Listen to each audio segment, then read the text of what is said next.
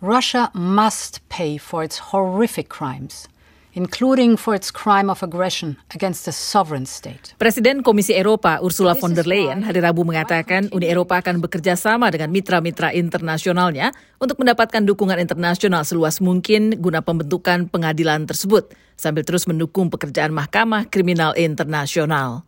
Uni Eropa mengusulkan pembentukan pengadilan khusus yang didukung PBB untuk menyelidiki kemungkinan kejahatan perang yang dilakukan oleh Rusia di Ukraina dan menggunakan aset-aset Rusia yang telah dibukukan untuk membangun kembali negara yang dikoyak perang itu.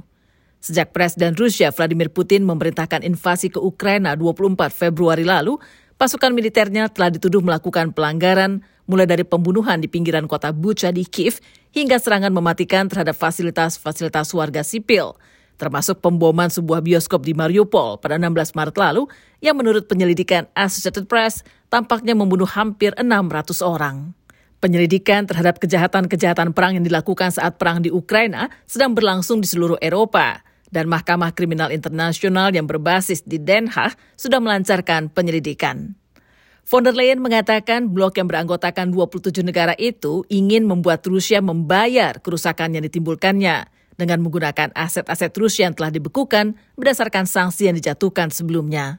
Ia memperkirakan kerusakan di Ukraina mencapai 600 miliar euro. Russia must also pay financially for the devastation that it caused. Rusia harus membayar secara finansial atas kehancuran yang ditimbulkannya. Kerusakan yang diderita Ukraina diperkirakan mencapai 600 miliar euro, sekitar 621 miliar dolar. Rusia dan oligarkinya harus memberi kompensasi kepada Ukraina atas kerusakan yang terjadi dan menutupi biaya untuk membangun kembali negara tersebut. Kami memiliki sarana untuk membuat Rusia membayar hal ini. Kami telah memblokir 300 miliar euro, sekitar 310 miliar dolar dari cadangan Bank Sentral Rusia dan telah membekukan 19 miliar euro atau 20 miliar dolar uang oligarki Rusia.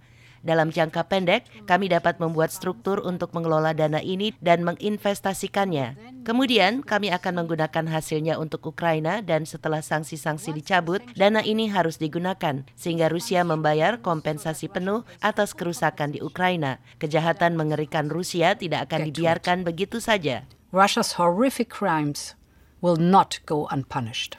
Uni Eropa mengatakan pencabutan pembatasan aset Rusia dapat dikaitkan dengan kesimpulan kesepakatan damai antara Ukraina dan Rusia yang akan menjawab pertanyaan soal perbaikan kerusakan. Sehari sebelumnya, para pejabat tinggi kehakiman negara-negara maju G7 sepakat untuk mengkoordinasikan lebih erat upaya untuk menyelidiki kejahatan perang di Ukraina. Menteri Kehakiman Jerman Marco Buschmann mengumumkan kesepakatan itu setelah pertemuan para menteri di Berlin yang juga dihadiri oleh Jaksa Agung Ukraina dan Ketua Jaksa Mahkamah Kriminal Internasional. Allein die ukrainischen Ermittlungsbehörden haben mittlerweile fast 50.000 Fälle von Kriegsverbrechen dokumentiert. Penyelidik Ukraina sendiri telah mencatat hampir 50 ribu kejahatan perang dan memiliki sekitar 600 tersangka, kata Bushman. Artinya, ada ratusan ribu bukti yang harus dikumpulkan.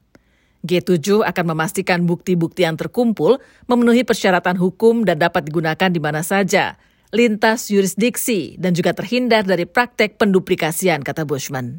Demikian laporan tim VOA.